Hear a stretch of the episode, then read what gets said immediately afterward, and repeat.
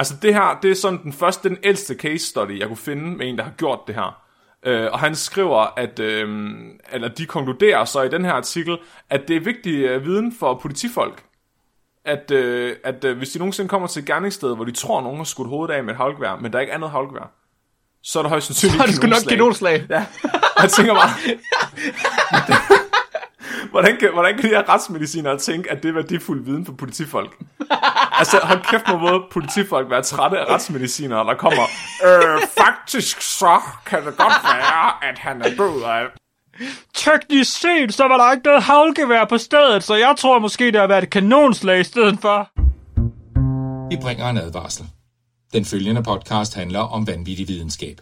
Al forskningen, der præsenteres, er 100% ægte og udført af professionelle. Mark og Flemming står ikke til ansvar for eventuelle misforståelser, men minder jeg om, at de altid har ret. Husk at være dumme.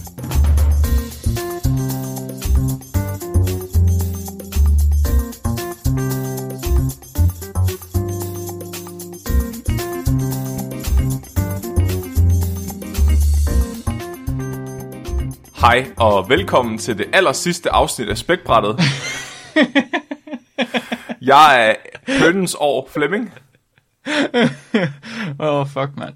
Og øh, jeg er jeres garanti for, at det nok skal blive godt igen. Mark Lyng. Åh, og hvor, ja. Hvorfor bliver det godt igen, Mark? Det er jo det sidste skal afsnit nok- af Spækbrættet. Jamen, der kommer noget mere. Der kommer mere.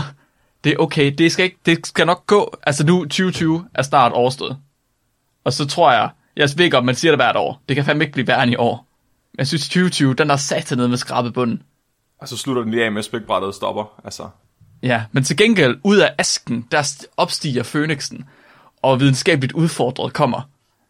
Og så kan det være, at vi får en dødelig pandemi næste år. Det kunne være rart. COVID-21. ja, så øh, i dag det er det sidste afsnit, hvor vi stadigvæk hedder Spækbrættet, før. Ja. vi øh, skifter navn til Videnskabeligt Udfordret den 5. januar. Og det er simpelthen for, at øh, folk de ved, hvad podcasten handler om, når de, når de ser den på Spotify. Ja, det bliver... det, det er jo åbenbart nødvendigt. vi, vi er eksperter i markedsføring herover. Vi har trænet meget længe. Ja, Ja. altså, Det vidste, det vidste godt, vi er videnskabsfolk i stedet for. Ja. jamen, altså, jeg er stadig skuffet over, at vi ikke skal hedde Flemmings Univers, men øh, det synes jeg bedre beskrev, ja. hvad det her er. Eksperter i markedsføring. I dag det er jo vores øh, famøse nytårsafsnit. Har du øh, forberedt noget nytårsrelateret videnskab til os i dag? Det har jeg. Det har jeg. Jeg skal simpelthen snakke om druk. Sådan. Det er mit ekspertom... Hvis ikke mit ekspertområde, det er mikrobiologi, så er det fandme druk. Det er noget, jeg ved noget om. Det er noget, jeg kan. Du har first, Og det first hand er- experience. First hand experience. Og øh, jeg, jeg tror ikke, jeg er enig om at gå og være lidt vinterdeprimeret. Jeg fik taget, øhm, taget blodsprøve her for nyligt, og der stod, at jeg var i D-vitaminmangel. Og det tror jeg, der er mange, der er, fordi det er koldt, og det er mørkt udenfor, og det er fandme hårdt. Oh. Og jeg, den eneste redning, vi har, det er alkohol. Eller, eller kosttilskud. Ah, nah, nah. Sprut, Flemming. okay. Sprut. Jeg tror- jeg, har faktisk også, jeg har faktisk også fundet artikler, der siger, at man reagerer anderledes på alkohol, alt efter man har D-vitamin eller ej. Nej. Eller omvendt. Men det, det er en historie til en anden dag. Åh, oh, det er sjovt. Givet om det er derfor. Nå. Ej, ikke noget. Ja, køn, reagerer, køn reagerer også anderledes på D-vitamin, alt efter om de er beruset eller ej. Uh. Uh. Det er ret åndssvagt. Kæft man, alkoholvidenskab. Det lyder godt. Uh, ja. Jamen, jeg skal også tale om nytårsrelateret. Jeg skal snakke, jeg skal lave sådan en øhm, fyrværkeri safety briefing for vores lyttere. Øh, Uh, ble, og det er ikke en af de der meget, noget- meget indviklede fyrværkeri briefings, hvor det er noget med, at du ikke må gå tilbage til en fus, og alle de der meget svære ting. jeg har aldrig forstået det. Det er som om, hvad, hvad er en fuse overhovedet? Definer det lige Ja, for mig. præcis. Hvad betyder at gå tilbage? Øhm, jamen, jeg ved det heller ikke, og, og jeg synes aldrig rigtigt, at vi får nogen klar definition på alle de her mærkelige øh, fyrværkerirelaterede termer. Så jeg, jeg har Nej. tænkt mig at forklare vores lyttere, hvorfor at de ikke skal putte fyrværkeri ind i deres øh, åbninger og, t- og tænde det. Fordi, I deres åbninger. Ja. ja, okay. Det er jeg rigtig glad ved. Det er jo slutningen på en ære, Flemming. Hvad synes du har været øh, det bedste, værste ved 2020? Jeg tror, at de fleste ved, hvad det værste har været. Bedste ved 2020, altså ja, der er fandme sket meget for mig. Jeg er blevet, øh, jeg er blevet far, og Mm. gjort min kone gravid igen, og jeg købte en Hold gård kæft, på Tåsinge, og der sker sgu lidt herover. Det har faktisk været et okay et år. Ja, for familien Flemming. Men øh, det bedste, det har helt klart været, da vi lavede øh, spækbrættet øh, afsnittet, der handlede om øh, høns i rummet. Var det i år? Nej, det var faktisk sidste år. Men jeg Det var lever stadig højt på det. Ah, okay, så 2019, 2019 var Det er yndlingsåret. stadig det bedste, der skete i år. Det var det, det, var det der skete sidste år. Ja, og det er, også, det er selvom din søn han er blevet født. Ja, men altså, han er jo ikke en høne for fanden. Nej, det er rigtigt. Han kan, men han kan sige gok. Det, kan, det er rigtigt nok, det har jeg lært ham. Det kan han. Altså, Så han kan potentielt blive en høne. Ja, ja det vil jeg glæde mig ja. til. Man kan poste nogle hønse, hvad hedder det, masker til børn. Nej, Jo, kan jeg bare sikkert bare øh, lime den fast. det er du nødt til at have. Ja. Lær ham at spise korn med ansigtet. Oh, og majs. Ja. Hvad, hvad med dig, Mark? Nice. Hvad er dit highlight for 2020? Mm, jamen, jeg har jo faktisk også haft rimelig godt år. Jeg har startet på PhD. Men jeg til gengæld så er jeg flyttet til Lyngby. Men det er sjovt, fordi du hedder sådan- Mark det- Lyng. Ja, det var, det var jeg lidt op for hinanden, tror jeg. Ja. Du skal have stjålet Ja. byskiltet, inden du er færdig med, øh, med PhD'en. Jeg ved ikke, om de har byskilte herovre i, i, i Storbyen. Nej, det er selvfølgelig Jeg rigtigt. tror, at det, det er fordi, de har så mange bydele. Alt er byer, men de må ikke have skilte til det, tror jeg. Mm, Det er en regel, de har. for helvede. Ja, men det er noget mærkeligt noget. Jeg forstår det ikke helt. Kan du ikke øh, hurtigt forklare øh, lytterne, hvad din PhD egentlig handler om? Det tror jeg måske ikke, at vi har haft med. Øh, jo. Hvis jeg kan På huske to det. sætninger, Mark. Du må kun have to punktummer med. Okay. Min PhD, den handler om at prøve at lave bedre biogødning med bakterier. Bum. Ved at finde ud af, hvordan bakterier de arbejder sammen. Fordi bakterier, de er nogle fucking kommunister. De er... Der er bakterier, de er ultra seje, og de interagerer sindssygt meget. Nu går jeg i gang med noget, der kan komme til at tage halvanden time. Det skal jeg ikke. Så Mark, du har brugt dine to idé. sætninger. Ja, okay, men så bakterier, de kan, nogle bakterier kan bruges til at få planter til at gro bedre. Og ikke nok med det, så kan nogle bakterier få andre bakterier til at gro bedre, så de kan få planter til at gro bedre. Så jeg prøver at finde ud af, hvad er det for nogle kombinationer, der skal til, for at vi kan få bakterier til at gro bedre, så planter kan gro bedre. Prøv basically at lave anaboliske steroider til planter ud af bakterier. Ja, præcis. Så jeg endelig kan bo inde i et græskar. Præcis. Som den eventyrprinsesse, jeg er. Det skal, det skal jeg have skrevet ned et eller andet sted, at det er, det er målet med min PhD, der får Flemming til at bo i et græskar. Ja. Ja, tak, Mark. Det skal vi have. Åh, Godt. kæft, mand. Vil du øh, fortælle mig om alkohol, Mark? Det vil jeg gerne, Flemming. Det er 2020. Året er snart om. Det er, det er fandme hårdt. Corona er hårdt. Øh, vinter er hårdt. Det er pisse ubehageligt. Og der plejer at være, være lys for enden af tunnelen. Der plejer at være sådan, der er noget at se frem til i slutningen af året. Der er ligesom jul og nytår, og man er sådan lidt, okay, det, jeg skal godt nok være sammen med min familie, men til gengæld, så, øh, så får jeg noget god mad og noget hygge og noget det er fandme en vestjysk tilgang til det. Ja, så til jul der samles man med familien, og til nytår så flygter man frem igen. Men det gør man ikke i år. Ik- ikke alle i hvert fald. Og som om det ikke var nok, så har corona i sig selv også bragt nogle rimelig voldsomme følger med sig. Udover at man ligesom ikke samles.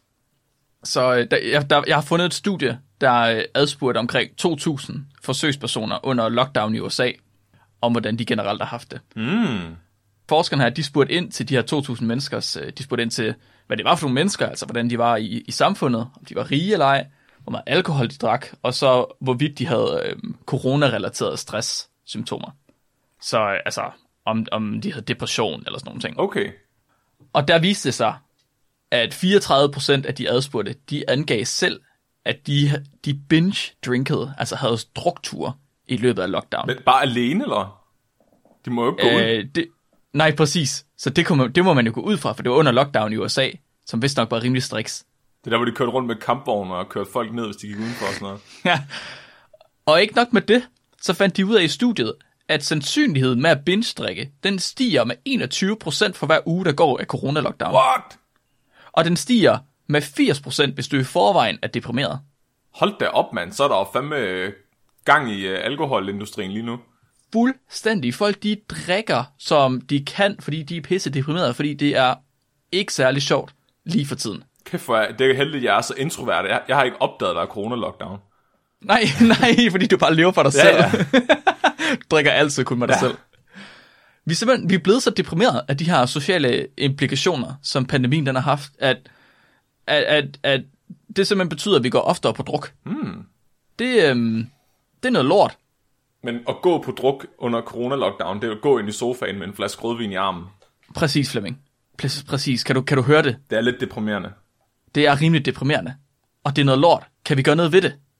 Det kan vi. Nej, Gå noget mere på druk. nej, hvad? Ja, oh. vi, skal simpelthen, vi skal simpelthen drikke noget mere. Vi kan løse vores stressproblemer ved at drikke noget mere. What? Det Flemming, giver, ingen, det giver ingen mening. Flemming, Flemming, Flemming. Nu skal du ikke sidde der og være så øh, mister modsat. Nej, undskyld. Det giver god mening. Vel. Godt.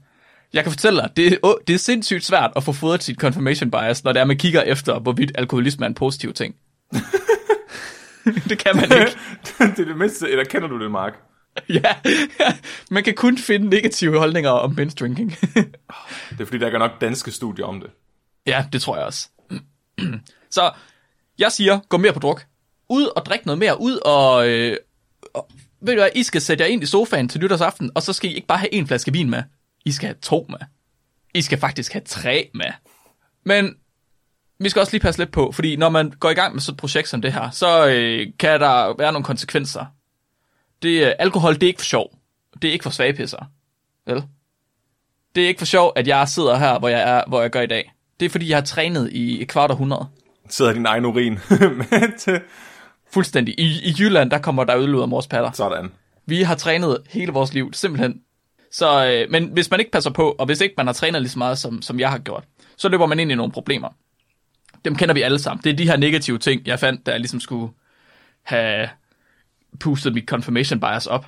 Altså, Så det er jo altså bilulykker, det er alkoholforgiftning, det er selvmord, det er øh, vold, alle sådan er, nogle det- er det korrekt antaget, at du fik din første snaps, før du fik din første cykelmark? det tror jeg faktisk. jeg tror, det var gammeldansk, men ja. Det er fandme god børneopdragelse. Ja. Det er fandme god børneopdragelse. Så, okay. Vi går i gang med det her projekt. Vi skal ud og drikke noget mere, men vi skal, vi skal passe lidt på. Der kan komme de her ting her ud af det, men det gør der jo ikke, fordi vi er ikke nogen svagdrikker. Vi kan holde til det, ikke Jo jo. Flemming? Ja. Vi kan holde til det. Og så sidder du derude, og så tænker du, hvordan hjælper det på vores sociale problemer? Og det, oh, nu, det har jeg aldrig sagt, det gør vel. Det gør det jo ikke. Det er jo ikke det, vi skal her. Vi skal jo ikke, vi skal jo ikke øh, hjælpe vores egne sociale problemer med det her. Det, og, fordi det kan vi ikke. Altså, hvis nu er dit problem, dit sociale problem med din svigermor, så kunne du jo drikke hende under, Ja. og så, kan man sige, så virker det jo. Ja. Mit problem her er lidt, at vi kunne løse det her ved at behandle selve sygdommen, altså manglende social aktivitet. Men det er fandme svært, fordi der, man må ikke have noget social aktivitet. Så i stedet for, så tænker jeg, at vi behandler øhm, symptomerne. Det er, og symptombehandling er altid bedst. Symptombehandling er altid Du skal bedst. aldrig løse årsagen til problemet. Du skal kun, lø- du skal kun løse øh, øh, symptomerne. Præcis, og symptomerne her, det er jo stress og depression. Ja. Og det, øh, der, min, min ekspertise, den ligger bedre i den her symptombehandling, end den gør i at ligge i at få venner. det vil jeg sige. Så jeg har fundet en artikel, der hedder um, How bad could it be? Alcohol dampens stress responses to threat of uncertain intensity. Hvad? Hvor slemt kan det være? Alkohol, Hvor galt kan det være? alkohol gør dig dårligere til at reagere på stress, Præcis. fordi du er bevidstløs, eller... Præcis. Den er, skrevet, den er skrevet af et hold forskere fra 2013, øh, ledt af Mr. Bradford. Og Bradford, han spørger, han stiller spørgsmålet, kan alkohol dulme nerverne? Mm. De stiller ligesom, øh, de stiller den her situationer, hvor at man måske skal ud og spise med sin kæreste, som man har tænkt sig at slå op med. Og det er jo en rimelig svær situation. Hvad gør man i den situation? Ja, man går lige hen, og så bestiller man lige et glas vin, eller hvis man kommer fra, hvor jeg gør, en gammel dans. sender bare en sms, Mark. Ja, hvis man nu er, øh, hvis man nu er et ordentligt menneske. Man, men man skriver det med emojis. Mm. Man kunne også bare lige tage en snaps for lige at dulme med Eller nerverne. sende en brevhøn. Hov, hvad har du der? Jeg slår op. Hvad? Åh oh, nej, ikke dig, høne. Du, er mit bedste kæreste. Jeg troede, vi havde noget. Men altså, det er jo, det er jo en rimelig, øhm, altså velan, hvad kan man sige, anerkendt ting, at alkohol kan dulme nerverne. Det siger alle jo. Men er der overhovedet noget, vi ved noget om? Mm. Det gør vi jo egentlig ikke. Bare sådan en folkemyte. Måske. Det er i hvert fald det, som de her forskere de har sat sig ud for at teste. Kan alkohol dulme nerverne? Så de bruger deres øh, viden om biologiske farer. De ved, at der findes to forskellige faretyper, som man ligesom kan blive forskrækket over. Der er uvisse og visse øh, trusler. Så en uvis trussel, det er en trussel, hvor man måske ikke er klar over, at den kommer. Det er for eksempel, når der er en eller anden, der stiller sig bag badeværelsesdøren, og så forskrækker dig, når du går ud på badeværelset kl. 3 om natten. Bøh. Det er rimelig ubehageligt. Ja. En øh, klar trussel, det er nærmere, når du kan se en løve foran dig, som du bliver bange for. Mm. Uvisse trusler, de giver altid den samme reaktion i dyr. Det er en form for, øh, at de dyrene de stopper op, og så bliver de hyper øh, opmærksomme. Så det er altså ligesom når man kører, altså ser et øh, dårdyr. Wow. Når dårdyr løber ud foran en bil, Ja, og man kører dem ned. og det bliver forskrækket over forlygterne. Ja. Lige præcis. Så stopper de op, fordi det er sådan en uvis trussel. Det er deres reaktion på det. En klar trussel i stedet for, den får dyrene til at flygte. Eller lave et defensivt angreb. Så det du siger, det er, når jeg skal på jagt, Mhm. mm-hmm. og, og jeg er træt af, at dyrene altid løber væk, inden jeg kan nå hen til dem, så skal Mhm. mm-hmm. jeg sørge for at gøre, så skal jeg gøre det på så mærkelig en måde, at jeg, at jeg faktisk får dem til at fryse, fordi de slet ikke kan identificere, hvad jeg laver. Ja, Så nu, det er fuldstændig. Det er i virkeligheden grund til, at de løber væk fra dig. Det er fordi, du er en dårlig jæger, Flemming. ja, det, det, Det, det er lugten, du er alt for det at se. ja, det er lugten. når jeg kommer gående med min kæmpe store lyserøde plysdragt der. Ja. Så ved de her uvisse forskrækkelser. Det er dem, vi måske er mest interessante i, fordi jeg tænker, at vi måske kan holde de her uvisse trusler lidt op imod sådan noget som corona. Er coronapandemien ikke bare en uvis trussel? Vi ved ikke rigtig så meget om den. Vi ved ikke rigtig, hvad det er, vi er bange for. Vi ved ikke rigtig, hvad vi skal være bange for. Den kan også lidt komme på alle tidspunkter. Det er en ret, det er en ret god pointe. Ja, er det ikke det? Det er, lige, det, det, det er den antagelse, jeg holder hele mit, øh, min historie op på her i hvert fald. Kommer den af 5G-netværket? Kan, Ja. Findes den overhovedet? Er det kineserne, der har Umuligt lavet at den? sige. Umuligt at sige. Ja. Fuldstændig umuligt Hvorfor at sige. blev Donald Trump ikke syg, da han fik det? Altså, Uh. hvorfor, hvorfor er der ikke nogen i Nordkorea, der har covid-19? Hvordan ved Huh. den, den ikke skal krydse grænsen? Det, altså, hmm. der er så mange... Det er så uvist, Mark. Der er så mange ukendte, Ja, ukendte faktorer i det her. Så jeg tænker, corona er en uvis trussel, og de uvisse trusler er også dem, der ligesom er, er værst. Det er dem, man... De klare trusler, dem kan man rimelig nemt komme udenom. Det er bare at gå væk. farvel løve.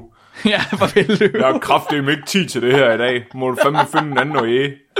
Okay, for... de, uvi, de uvisse trusler til gengæld, det er dem, der virkelig, det er dem, der kan slå folk ihjel. Så man har, man har set, at patienter med PTSD, de reagerer voldsommere på uvisse trusler, end patienter, der ikke har PTSD. Mm.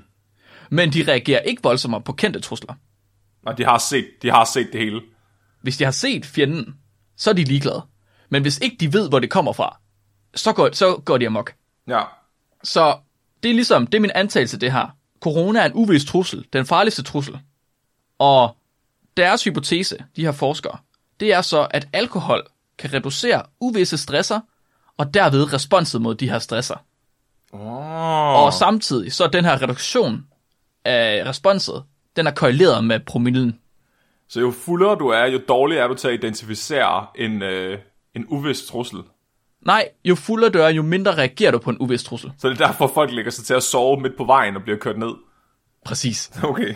Det, ja, det har jeg også gjort en gang. Jeg, har ikke, jeg blev ikke kørt ned, i hvert fald det så på vejen. Nå, fair nok. Og så tester de det selvfølgelig. Og det her, jeg troede, jeg havde fundet et rimelig kedeligt studie, der gik det igennem i går, men det har jeg ikke. Det er, det, det fucking, jeg ved ikke, hvordan den ikke har fået en ikke Nobelpris, den her. Den er virkelig sjov. Så forskerne, de tager 89 forsøgspersoner ind. 50-50 på køn. De er 21,7 år i gennemsnit, plus minus øh, 1,2 år. Men de er alle sammen over 21, skal det også lige siges. Er det, er USA. højrehåndet? Jamen, det stod der ikke, Nå, desværre. okay. Så deler de dem ind i 12 grupper. En af grupperne får placebo, og de 11 andre grupper, de får alkohol, så deres alkoholprocent, den stiger op fra 0,01% til 0,11%. Mm. Eller fra 0,1 promille til 1,1 promille. Giver det mening? Ja, så det er Ja. øh, forskellen på en barnedåb. Ja, så man går ligesom fra 0, ja, lige præcis. Bar- barnedåb bar- til konfirmation. Ja, lige præcis. De havde ikke helt øh, polterappen med endnu. Nej. der nåede de ikke op. Men det synes allerede her synes jeg, det er lidt interessant, fordi normalt, når vi har haft de her sprut øh, studier med, så stopper de sådan ved 0,3 promille. Fordi andet er ikke etisk forsvarligt. Den her, den er, ud, den her, den er lavet i 2013, og her sagde de bare, fuck it. 1,2 promille. Vi skal have stive studerende i det her studie. det er også sådan, du får frivillige til at deltage, jo. Det har været en tilbud en hel masse universitetsstuderende at drikke sig fulde for videnskaben. Ja, og ikke nok med det, så fik de også 10 dollars for det. Hold det op. Ja, Og gratis alkohol. gratis alkohol og 10 dollars, og jeg ved ikke hvad, og det var endda deres, altså, deres brud, de skulle drikke. Det var rimelig okay. Det var Smirnoff, Blue Label, øh, så var det juice. Altså, Så- det har været en vodka juice, ikke? Og øh, prøv at høre, det var ikke helt for sjov. Nu, nu, nu, jeg ved godt, at vi tit laver tomme løfter om undersøgelser, vi skal lave, ikke? Men det lyder, det lyder virkelig oplagt at gøre det her. Altså, det lyder som om, at det vil være rimelig nemt at gøre. Ja, okay, men du har ikke hørt, hvad det er, øhm, de rent faktisk tester, eller undersøger Okay. endnu. Så grupperne er nemt nok at inddele. Det tror jeg også, vi kunne gøre. Jeg tror, at det sværeste ville være at stoppe dem, der skulle have lidt alkohol, for at drikke mere. Mm. Men om ikke andet, så vil de gerne undersøge, hvor meget chok de her mennesker, de ligesom udviser. Så de starter med at lave en baseline. De måler ligesom, hvad er deres nerveimpulser, så de har sat den til en masse ledninger, for at kunne måle deres nerveimpulser alle mulige mærkelige steder. Og så lader de bare kigge på 12 farvede firkanter, der løber hen over en skærm.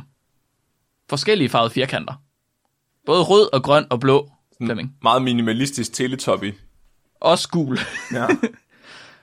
så kigger de på dem, og så får de nogle nerveimpulser, og så kan de ligesom sige, okay, det er deres baseline. Hvis den ændrer sig fra det her, så kan det være, at der er en, et respons. Og så øhm, efter det, så undersøger de, hvor meget chok de her personer, de kan tåle totalt set. Hvad er deres max intensitet? Og det gør de med strøm. Nej, giv dem stød, mens de viser dem en film med farvede firkanter. Jamen her der får de ikke set nogen farvede firkanter. Her der får de bare strøm. Okay. Så de, giver- de giver dem mere og mere stød. Øh, de giver dem så 200 millisekunders hvad hedder det, stød. Altså ligesom at røre ved, ved et stød, stødhegn. Åh oh, gud. Og så øger de lige så stille intensiteten, indtil deltagerne de siger, nu kan jeg ikke mere, nu er det for meget. Og så sætter de testpersonerne ned foran en skærm. Nu har de deres baseline, og de har deres max, de kan holde til. Mm-hmm. Og så på den her skærm, der løber der så en sekvens af fem farvede firkanter henover. Og de her firkanter bliver vist i 5 sekunder, og imellem hver firkant er der så 10-20 sekunder pause. Og der var fire forskellige typer firkanter. Ikke fire forskellige farver, fire forskellige typer. Og de forskellige typer, de havde forskellige chokintensitet. Og den her intensitet, den stod så på firkanteren, inden den løb hen over skærmen. Der stod enten high, eller low, eller no shock. Ja? Ja. Okay. Så deltagerne, de sidder der, de sidder foran en skærm, og så får de at vide, at de, de får et signal. Altså et chok. Præcis 4,8 sekunder efter, at de har set en firkant. Og så får de det chok, der står på firkanten, eller hvad? Det vil de gøre lige præcis. Okay. Men ikke, ikke hvis firkanten den var en no-shock firkant, eller hvis det var imellem firkanterne. Kun hvis der var en firkant på skærmen. Ja. Men det var selvfølgelig løgn. For der ville ikke være meget forskrækkelse i det, hvis de vidste præcis, hvornår det skulle ske. Nej. Så i stedet for, så forskrækker de dem fem gange per blok. Fem gange per firkant. Så giver de dem stød. mens- Ja, de giver, dem, de giver dem ikke stød. De, øh, ja, ja, det kommer lige om lidt. Så de forskrækker dem fem gange. Tre gange, mens en firkant er på skærmen, og to gange imellem hver firkant. Og så måler de ligesom forøgelsen, eller forskellen i nerveimpulser ved hver chok. Nej, hvor er det et forfærdeligt studie. Jeg ridser lige op igen. Der sidder ni- 89 21-årige, og ja, klar, de er 21, som kommer ind og får et glas med vodka juice, til de har en promille mellem 0 og 1,2. Og 1,2 er pænt højt. Så bliver de sat foran en skærm med farvede firkanter, og så får de at vide præcis, hvornår en forsker råber af dem over en højtaler. Og det er råben. Altså det er, det er høje lyde, der skal chokere dem, Ja. og skrække dem. De tror kun, de skal råbe sig et par gange, men i virkeligheden så bliver det råbt af 25 gange. Og det er efter, de har fået stød også. Jamen, stødet, det var bare for at se, hvor meget chok de ligesom kunne holde til. nice. Jo. For helvede.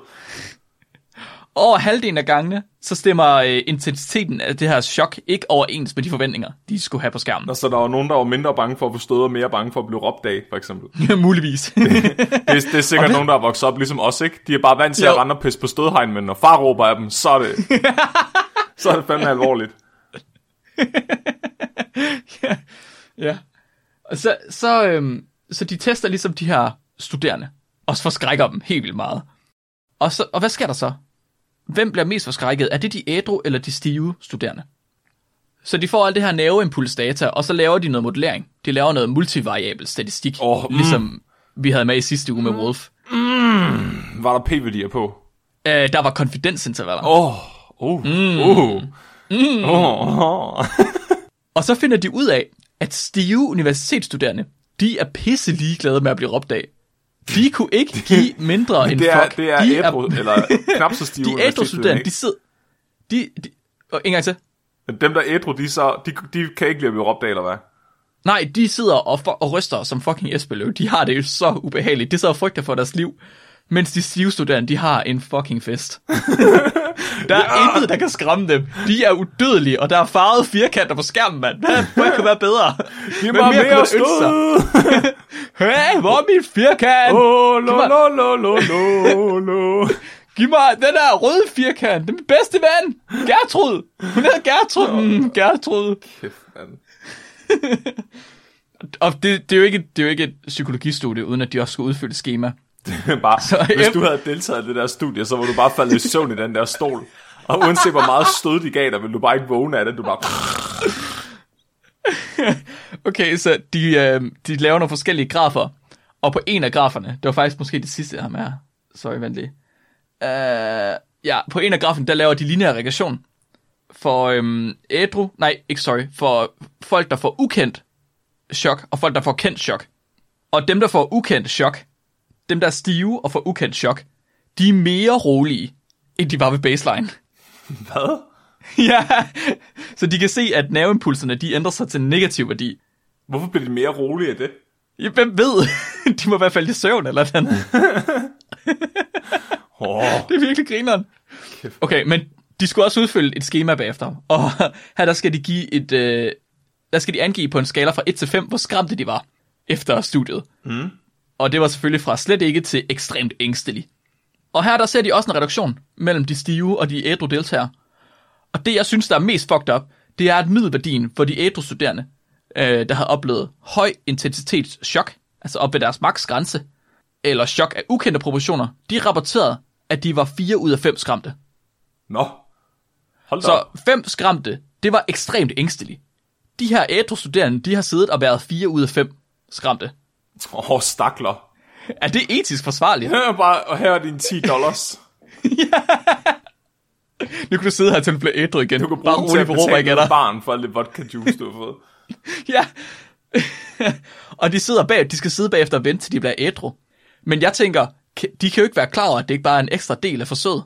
Åh, oh, ja, de sidder bare og ryster i bukserne. Ja.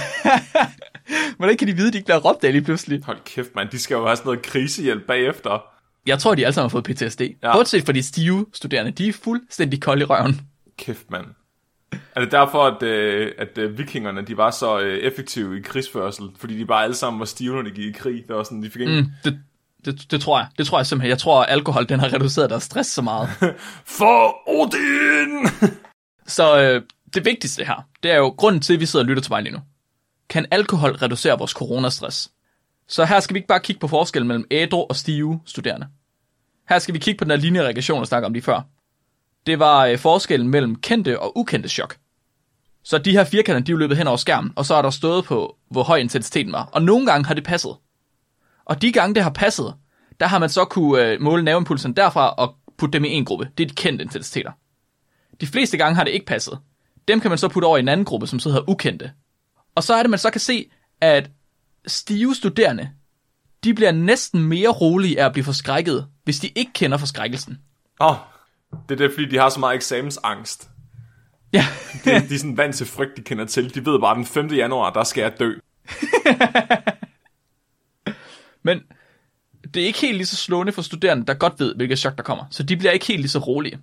Og man kan også se, at der er en øh, korrelation mellem, hvor stive de er, og hvor meget de bliver, øhm, altså hvor lidt de bliver forskrækket. Hmm. Så des mere alkohol du har i blodet, des mindre bliver du forskrækket af en ukendt, en ukendt forskrækkelse. Okay, så hvis vi skal reducere eksamensangst, så skal mm-hmm. vi sørge for, at vores studerende de får deres eksamen på et vilkårligt tidspunkt, og at de er fulde hele tiden. Ja, præcis. Det, det, øh, den kan jeg være med på. Ja, altså jeg tænkte, jeg tænkte øh, at det i virkeligheden betyder, at du kan drikke dig, du kan drikke dig bankelam, fuldstændig hammerbanklam, og så kan du stadig nyde alle de gode jumpstarts i uh, The Conjuring eller i Annabelle, fordi du, bare fordi du er stiv, så betyder det ikke, at du ikke bliver forskrækket over kendte far. Men til gengæld, så kan du på ingen måde rystes af den der irriterende ven, der gemmer sig ude bag badeværelsesdøren. Jump, Der er du bare kold i. Fuldstændig. Huh. Så, hvis min antagelse om, at corona og alle dens stressfaktorer, de svarer til en ukendt forskrækkelse. Så, er der altså, så, så tror jeg altså, en god nytårsstruktur alene derhjemme, det er den bedste måde at komme igennem det sidste 2020 på. Tak, Mark. Godt nytår. Det var en god, det var en god morale. Og det var godt, det er jeg glad for. Ja. Kæft, mand. Jeg kommer også til at tænke på, øh, tror du, at det her resultat, det viser, at det er derfor, at stive teenager, de ikke er bange for eksistentialistiske kriser? Ja, det, det er derfor på naturvidenskab, der, der er der ikke nogen, der, der tænker over de der store spørgsmål i livet, fordi de er så stive, de har ikke brug for det. Men over på humaniora, der de har slet ikke den samme drukkultur, så de sidder og diskuterer det i stedet for. Kan vide, at man kan se en sammenhæng mellem alkoholindtagelsen ved unge, og så deres depressionsniveau. Jeg hørte ikke, du... Jeg har hørt alkoholindtag, så forsvandt du.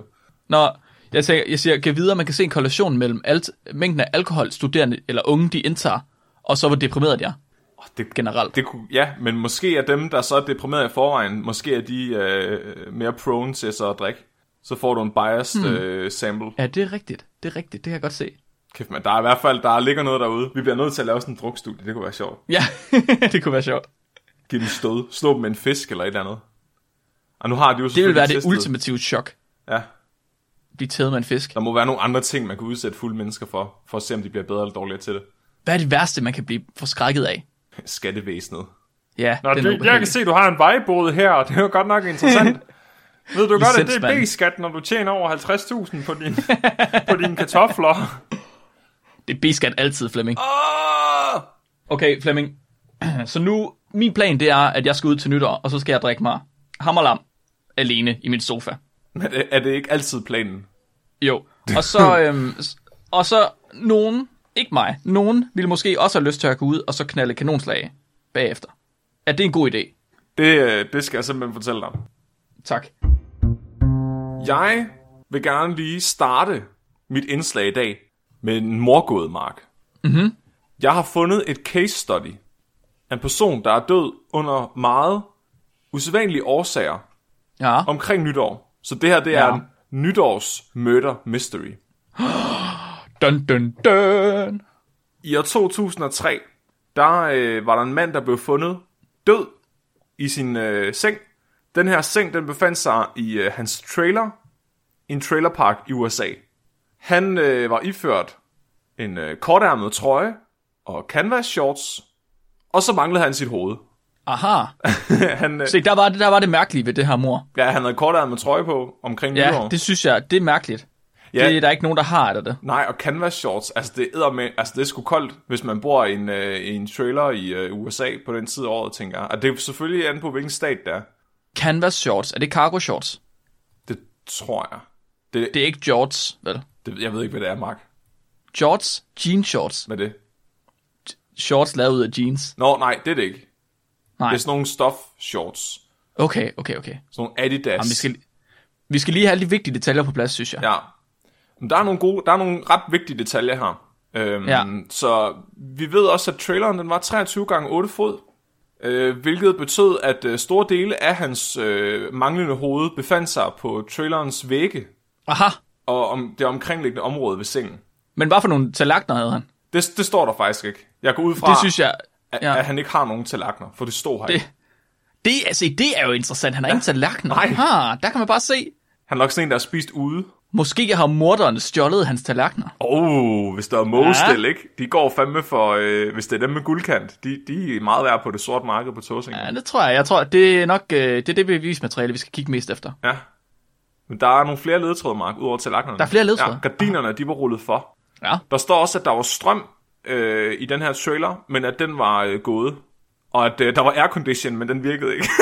Nej, nej, okay, fordi strøm var gået måske. nej, nej, aircondition virkede bare generelt ikke. De fik strøm sat til, og så virker det stadig ikke. Nej, og jeg tror, Nej, jeg, det vil jeg også se. jeg, jeg har virkelig sådan, jeg var sådan, hvorfor fanden skriver de, at aircondition, den ikke virkede? Men så gik det op for mig, at det var fordi, han havde ligget der i 6-8 dage. Og der var ah. ret Ah. mange fluer, så jeg tror, at de der retsmedicinere, de har været rimelig trætte af, at den der aircondition ikke virkede, da de tændte strømmen igen. De var simpelthen nødt til at skrive det ned i deres studie. Ja, de nævner det, de nævner det tre gange på 10 linjer, at den der aircondition ikke virker. Åh, oh, stakler. Og så bagefter så nævner de alle fluerne tre gange på fem linjer. Så Mark, Mm-hmm. Når, når du, øh, du er retsmediciner, og du ser det her, Ja. og du lægger de her spor sammen, Ja. hvad forestiller du dig så, der er foregået her? Hvad er der sket med den her mand? Strømmen er gået. Der var ingen tallerkener. Vinduer, gardinerne var rullet for. Ja, Huh. Det, hvad var det mere, der var? Manden havde, han havde øh, shorts på. ja. Og hans, fod Og var kort 23, ærmet trøje. hans trailer var 23 fod lang. Ah, ja. ja. Jeg kan ikke huske, hvad der mere var interessant ved ham. Han mangl- han, hans hoved var øh, forsvundet. Han havde ikke noget hoved. Eller hans hoved okay, var ja, ja. ikke forsvundet. Det var blevet til et puslespil, der var på væggene. Jeg tror, det har været øh, arbejdet af en meget voldsom seriemorder. Pu- puslespil-seriemorderen. Pusle, puslespilsmageren. Hvordan tror du, han har slået ham ihjel så? Skåret ham i bitte små stykker. Altså, det er virkelig nogle gode bud, Mark. Med en båndsav. Ja. Båndsavsmassakren. det er motorsavsmassakrens copycat. Læg stille, du skal hen her på bordet. Båndsav. Eller øh, sådan en øh, lille stiksav. Mm, mm-hmm.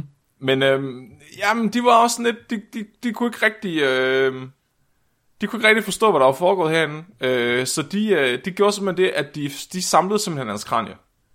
Ja, De øh, samlede i alt 150 stykker af den her mands kranie, og vaskede det, og, og rengjorde det, og så samlede de det igen. Og øh, det, det er fandme mærkeligt. det er sådan noget retsmediciner gør. Det var ligesom det afsnit, altså, du havde med, med dem, der var døde af dykker, øh, inde i den der dykkerklokke. Jamen, det er rigtigt, men det var bare det var en meget mindre puslespil. Jamen alligevel, Mark, han var revet i stykker, manden.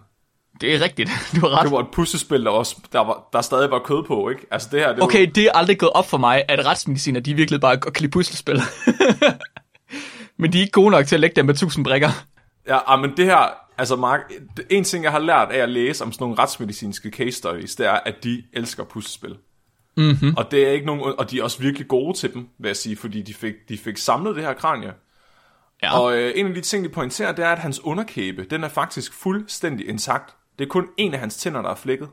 Så det Huh. første, de tænker, det er, at øh, det her, det ligner, at øh, han har fået skudt hovedet af med havlgevær. Men der var, det ikke, ville være plausibelt. der ja. var ikke noget havlgevær.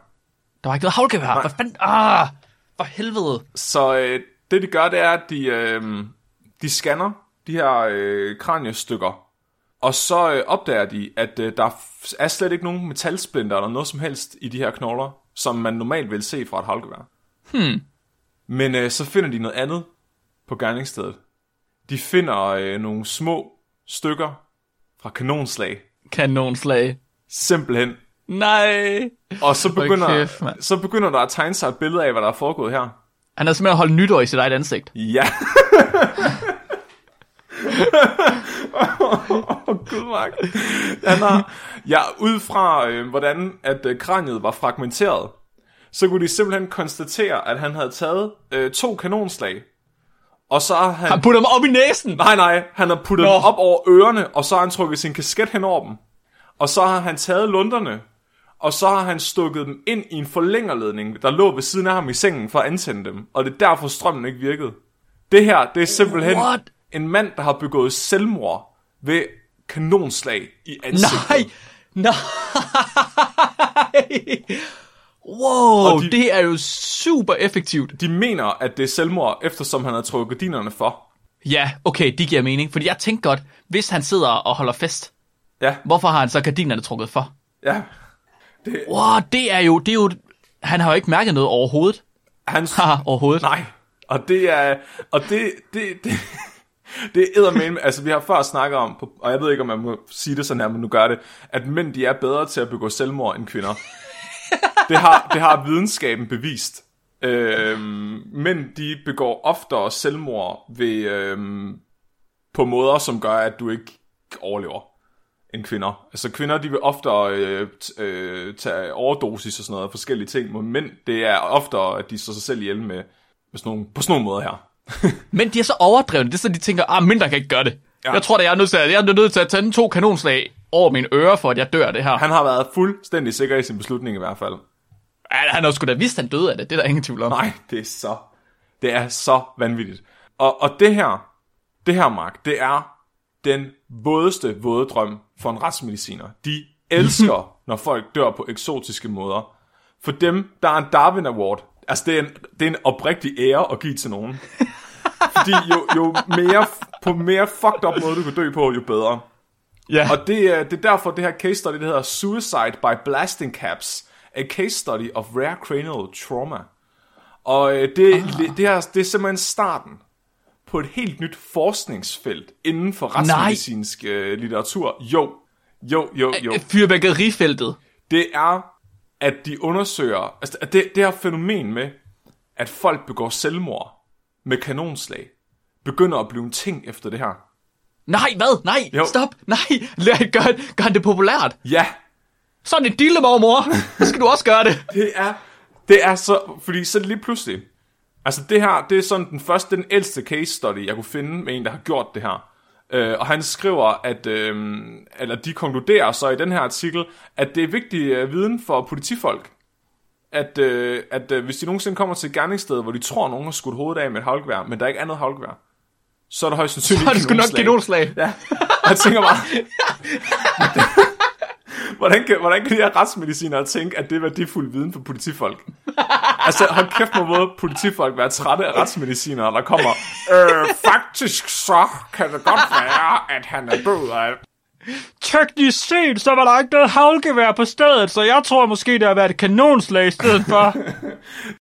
Men det her, det er, helt, det er starten på et helt nyt forskningsfelt, fordi, altså, der kommer bare det ene case study efter det andet, øh, efter det her, med unge mænd, der har stukket kanonslag ind i munden, og så har de fyret dem af.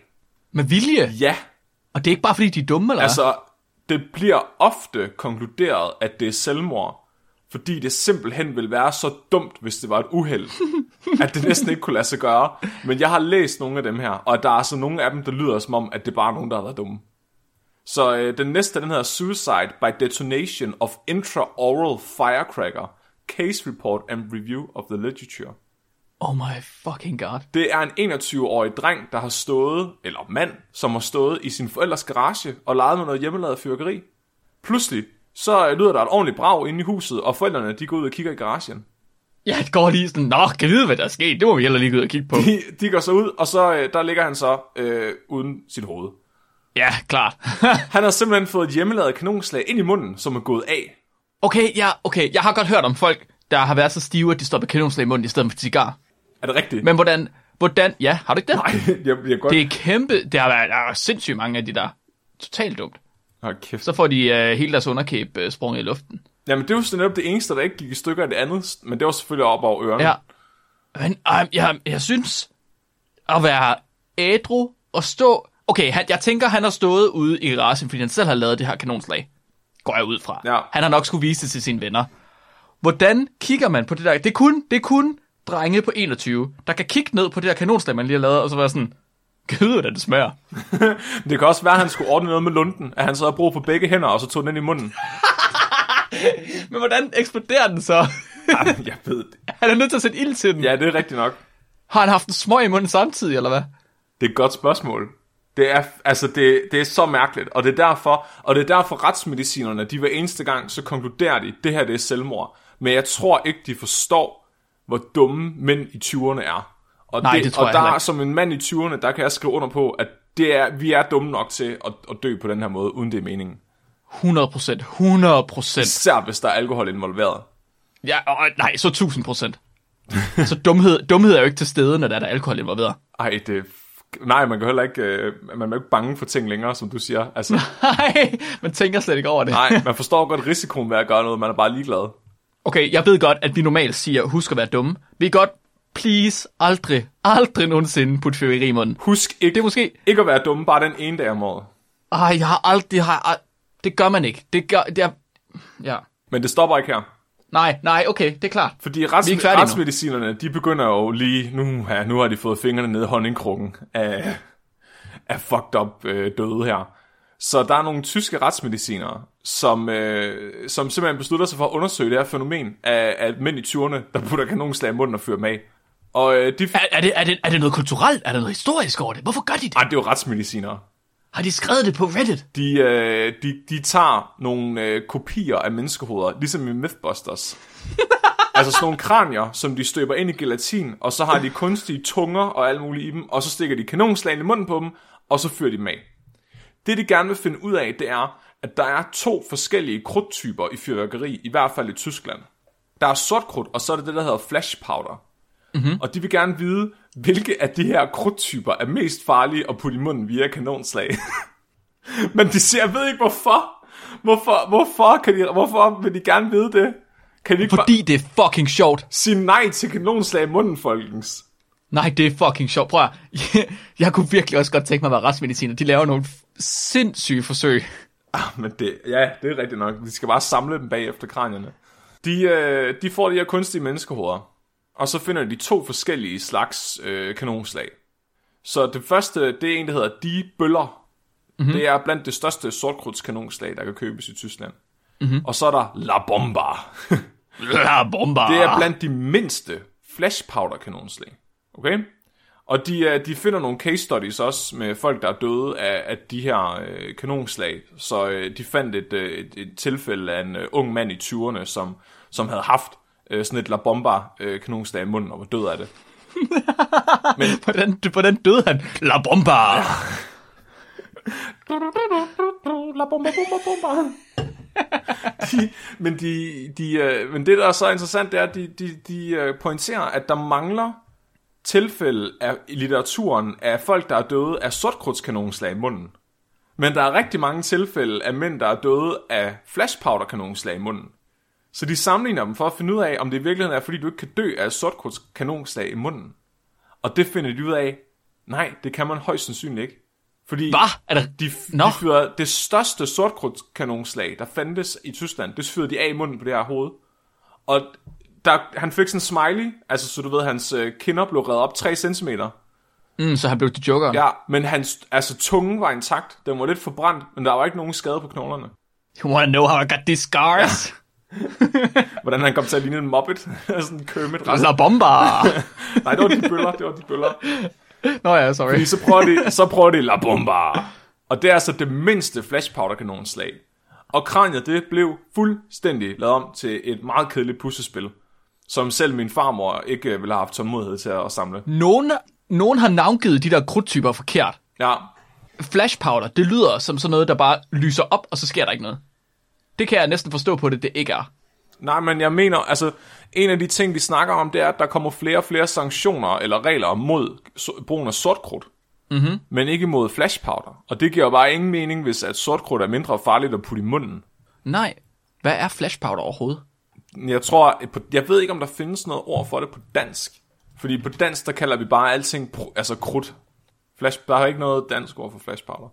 Firecrackers, cherry bombs, pyrotechnics, oxidizer og metallic fuel. Mærkeligt. Det lyder seriøst som sådan noget... Øh, der er fordi, der er noget, der hedder flash paper, tror jeg. Ja, Sådan noget papir, som du kan sætte ild til, og så puff, går det mega meget lys i det. det er også det, der sker, når du sætter ild til flash powder. Så de, altså sortkrudt, Ja. det, det ryger af helvede til. Jeg har engang øh, skudt med sådan nogle sortkrudtspatroner. Mm-hmm. Og der kommer bare, det er det, du ser i film, øh, i de der, hvad hedder det, film fra 1900-1800-tallet, når de skyder, så kommer der sådan en sort røgsky ud af dem. Mm-hmm. Men øh, flash powder, det ryger næsten ikke. Det, det giver bare et glemt. Okay. Så hvis du skyder med en, et, et havlgevær i dag, så tænker jeg, at det må være noget lignende det der i, fordi der kommer bare et knald. Der er ikke noget øh, røg. Okay. Der kan man bare se, jeg var ikke, jeg var, for mig der lyder det som om flash powder, det er sådan noget øh, fesen noget. Jamen, jeg tror, det, Men det, det jeg tror, det brænder mere effektivt end sortkrudt. Altså Ja, okay. eftersom det ikke der er noget røg og sådan noget. Mm-hmm. Men øh, det, det, de så siger der, de kunne ikke finde nogen tilfælde af sortkrudtskanonslag i munden i litteraturen. Men det var ikke godt nok til mig, så jeg fandt det. Jeg, Nej. Jo, jeg fandt et tilfælde af en mand, der havde fyret øh, sortkrudtskanonslag i sin mund. okay, okay, okay. Og hvordan gik det så? Overlevede han først og fremmest? Ja, det gjorde han. Tænk det fandme nok. Men øh, du ved, har du set øh, Looney Tunes, når, øh, når de prøver at skyde Snor Snup, og han så stikker fingrene ind i øh, løbet på, øh, på bøssen? Mm-hmm. Og så bøssen, du ved, den åbner sig sådan i 10 Åh, forskellige oh, gjorde hans ansigt det? Ja. og jeg har set billederne. Der er billeder med. Åh, oh, vil du ikke sende dem på Discord? A peculiar case of oral firework explosion caused by Russian roulette. Jeg selv. Russian roulette? Er, vil øh, folk på Discord gerne se billeder, eller er I, er I for sarte? Nej, ja, kom med dem. Du kan sætte en uh, spoiler på den, hvis det er. Jeg ved ikke, hvordan man sætter en spoiler på noget. Ja, den spørger dig selv, når du øh, sætter billedet ind. Åh, oh, gud. Åh, oh, hvorfor skal jeg kigge på det her igen? Og så, øh, men han... Øh, Åh, åh, åh, åh, åh, nej. Nej. Nej. What? er, ved du, hvorfor det her skete, Mark? Nu ved jeg ikke, om du lagde mærke til titlen på artiklen. Han ligner en blomst. Ja, Han ligner en blomst. det er så sindssygt. Ved du, hvor, ved du, hvordan det her skete, Mark? Nej. Det her, det er beviset på, at mænd i 20'erne er absolut dumme nok til at fyre et kanonslag af i munden, uden det er selvmord. Hvad gjorde han? Han spillede russisk roulette med sine venner. Har du prøvet at lege den der isterning-leg, hvor man sender en isterning rundt øh, mellem tænderne på hinanden? Nej. Nej, stop. De sendte tændt kanonslag rundt til festen. Mund til mund. Indtil ham her får kanonslaget, og det går af i munden på ham. er det ikke sindssygt?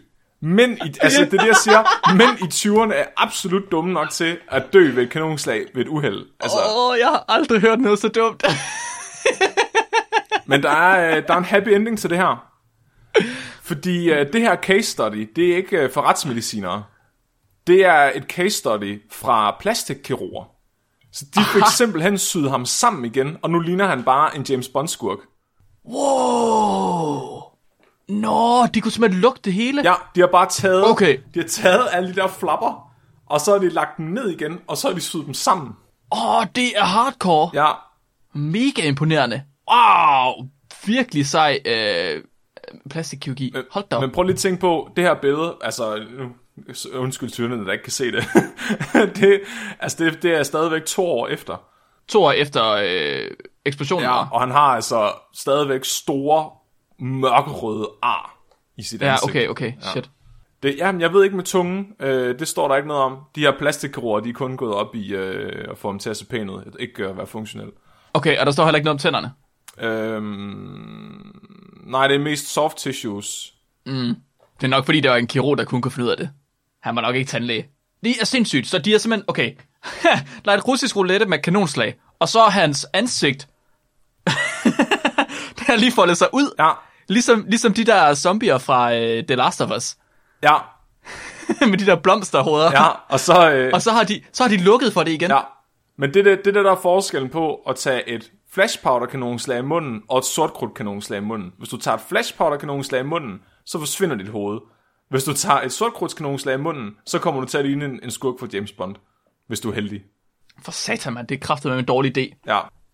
Lige afslutningsvis her, så øh, har jeg fået nogle tilfælde af, af fyrværkeriuheld øh, med folk, der har også har stukket fyrværkeri ind, steder, hvor det ikke skal ind. Øh, Ja, og det er, selvfølgelig, hvor? det er selvfølgelig alle sammen mænd. Så det første, det er en øh, mand i Chicago, som lukker sin hund udenfor nytårsaften. Den her hund, den kommer så ind i huset igen med en øh, hånd. Nej, Jo. Der var en mand, der havde fyret øh, fyrværkeri af, mens han holdt det i hånden, og så, øh, så havde han mistet den. Fuck, det er ligesom når katte, de kommer ind med fugle og mus. Ja, der bare kom... Prøv at tænke, hvis du lige, prøv at tænke, hvis du lige pludselig en dag fandt en hånd under din sofa. Åh, oh, gud. Ah, misser. Ikke igen. Men ved bare, forskellen på katten og hunden, det er, at katten den har sikkert bidt hånden af til at starte med, hunden har bare fundet den.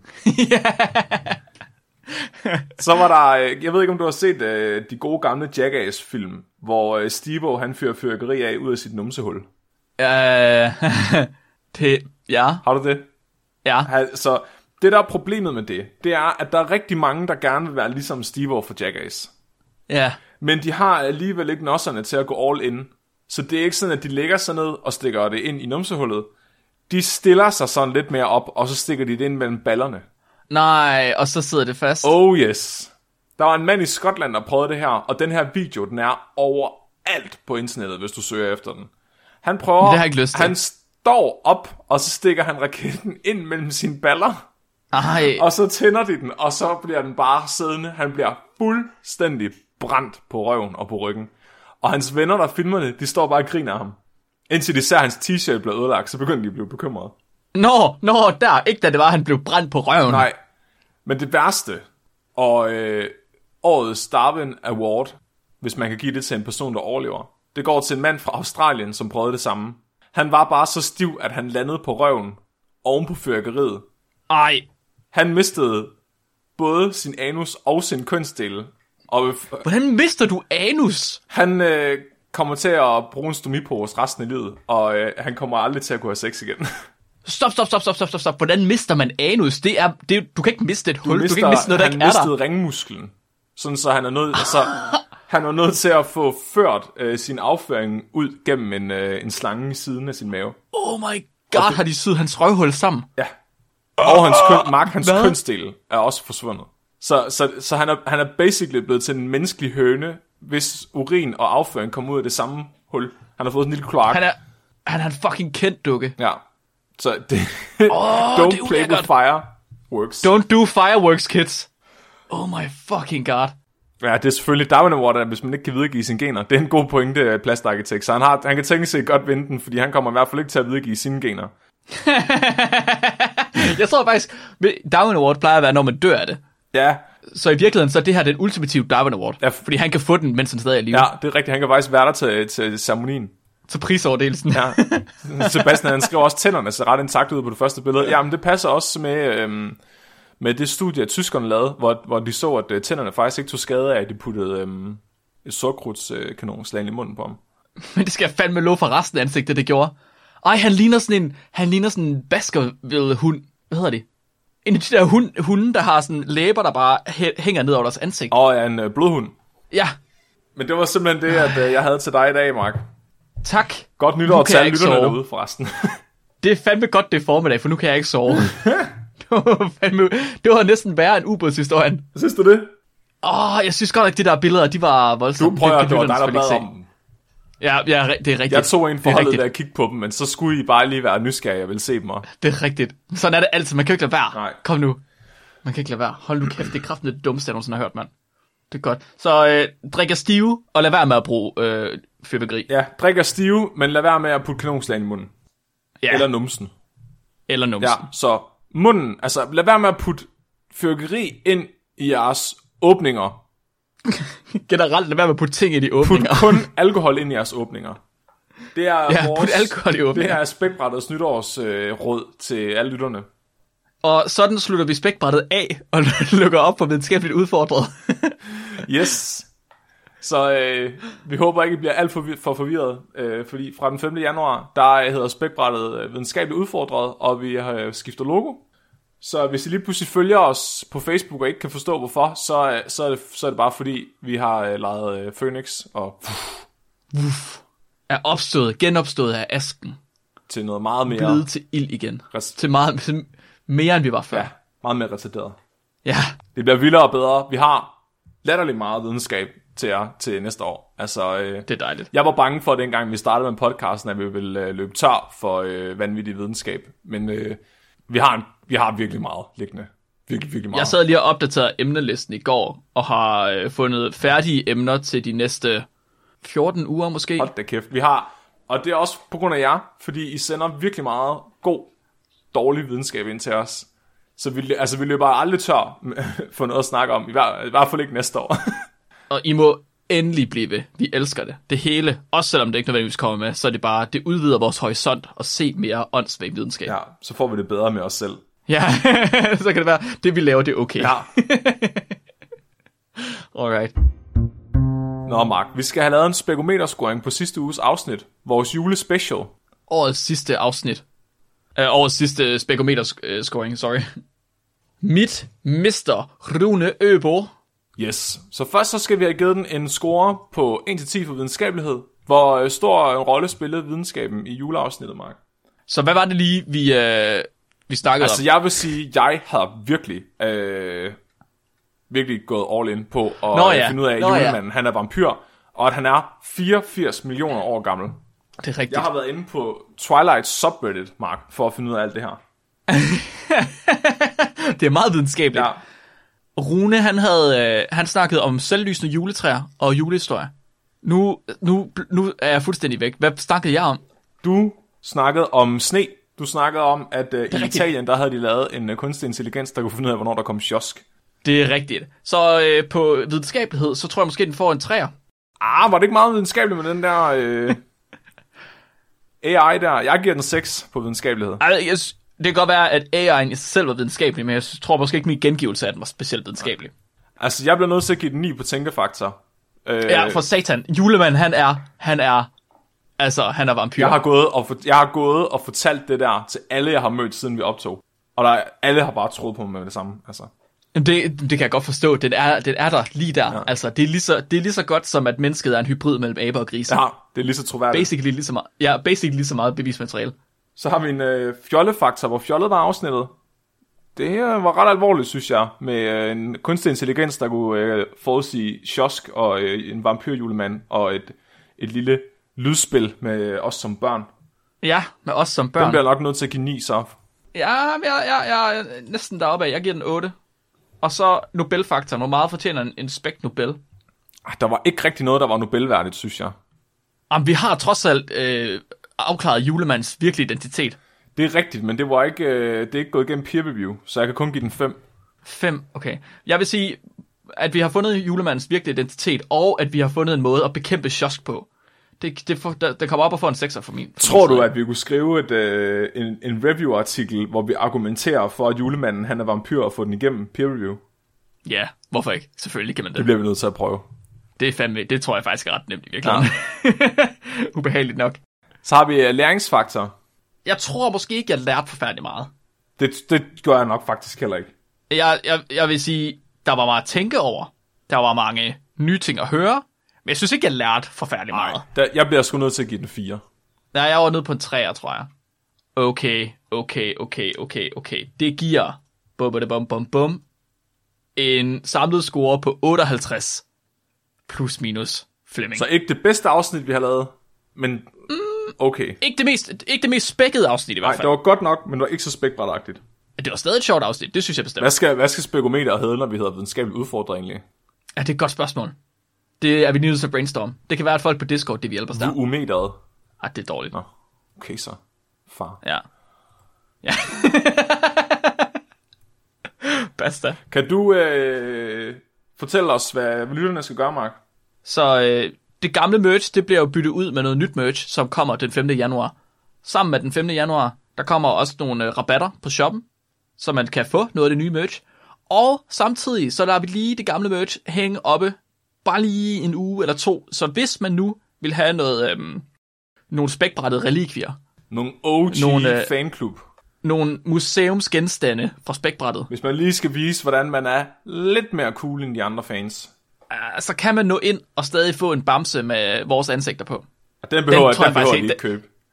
Øh, Den tror jeg faktisk ikke, jeg fjerner. Det er sådan, den, bare er lidt, der. den er forstyrrende, synes jeg. den er forstyrrende. Den er, og den er i Uncanny Valley af, af merch. Ah, yes, okay. Jeg- Så køb den, jeg- så bliver Flemming Jeg, glad. jeg kan leve med at være på en sofapude. Eller på en kop. Men på maven af en bamse.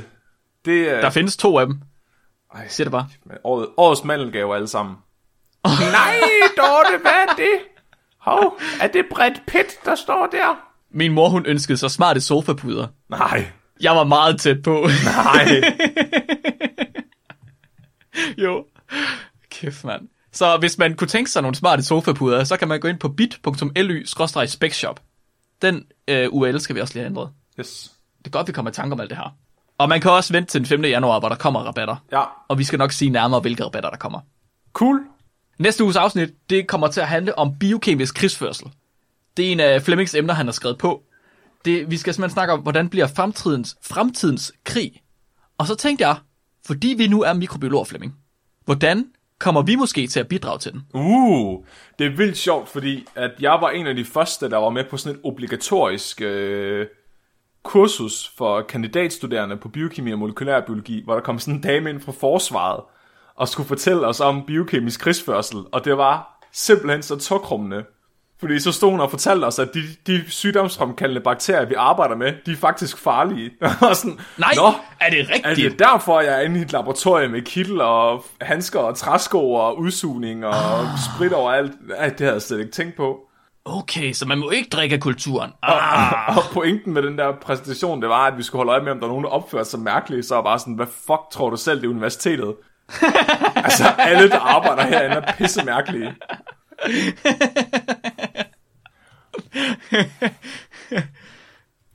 Fuck Henning, han har godt nok drukket meget af kulturen her for tiden. Det er bare ren protein. Det er ren protein. Kæft, mand. Fedt, så vi starter året ud med at fortælle om biokemisk krigsførsel. Jeg tænker, det er en god måde at starte året på, ikke hårdt det? ud. Yes. Alrighty. Dagens dyrefakt, Mark. Dagens dyrefakt. Dagens dyrefakt er sendt ind af Helene, min, øh, min dejlige øh, medsamboer. Med samboer. Medsamboer.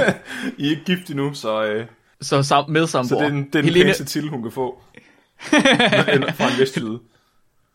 Helene, hun skriver, den nordatlantiske retval, den har testikler, der vejer et ton, det vil sige cirka en tiende del af dens kropsvægt. Det er flot. Det er, det er intet mindre end smukt. Der svømmer bare babyvaler rundt i dine osser der.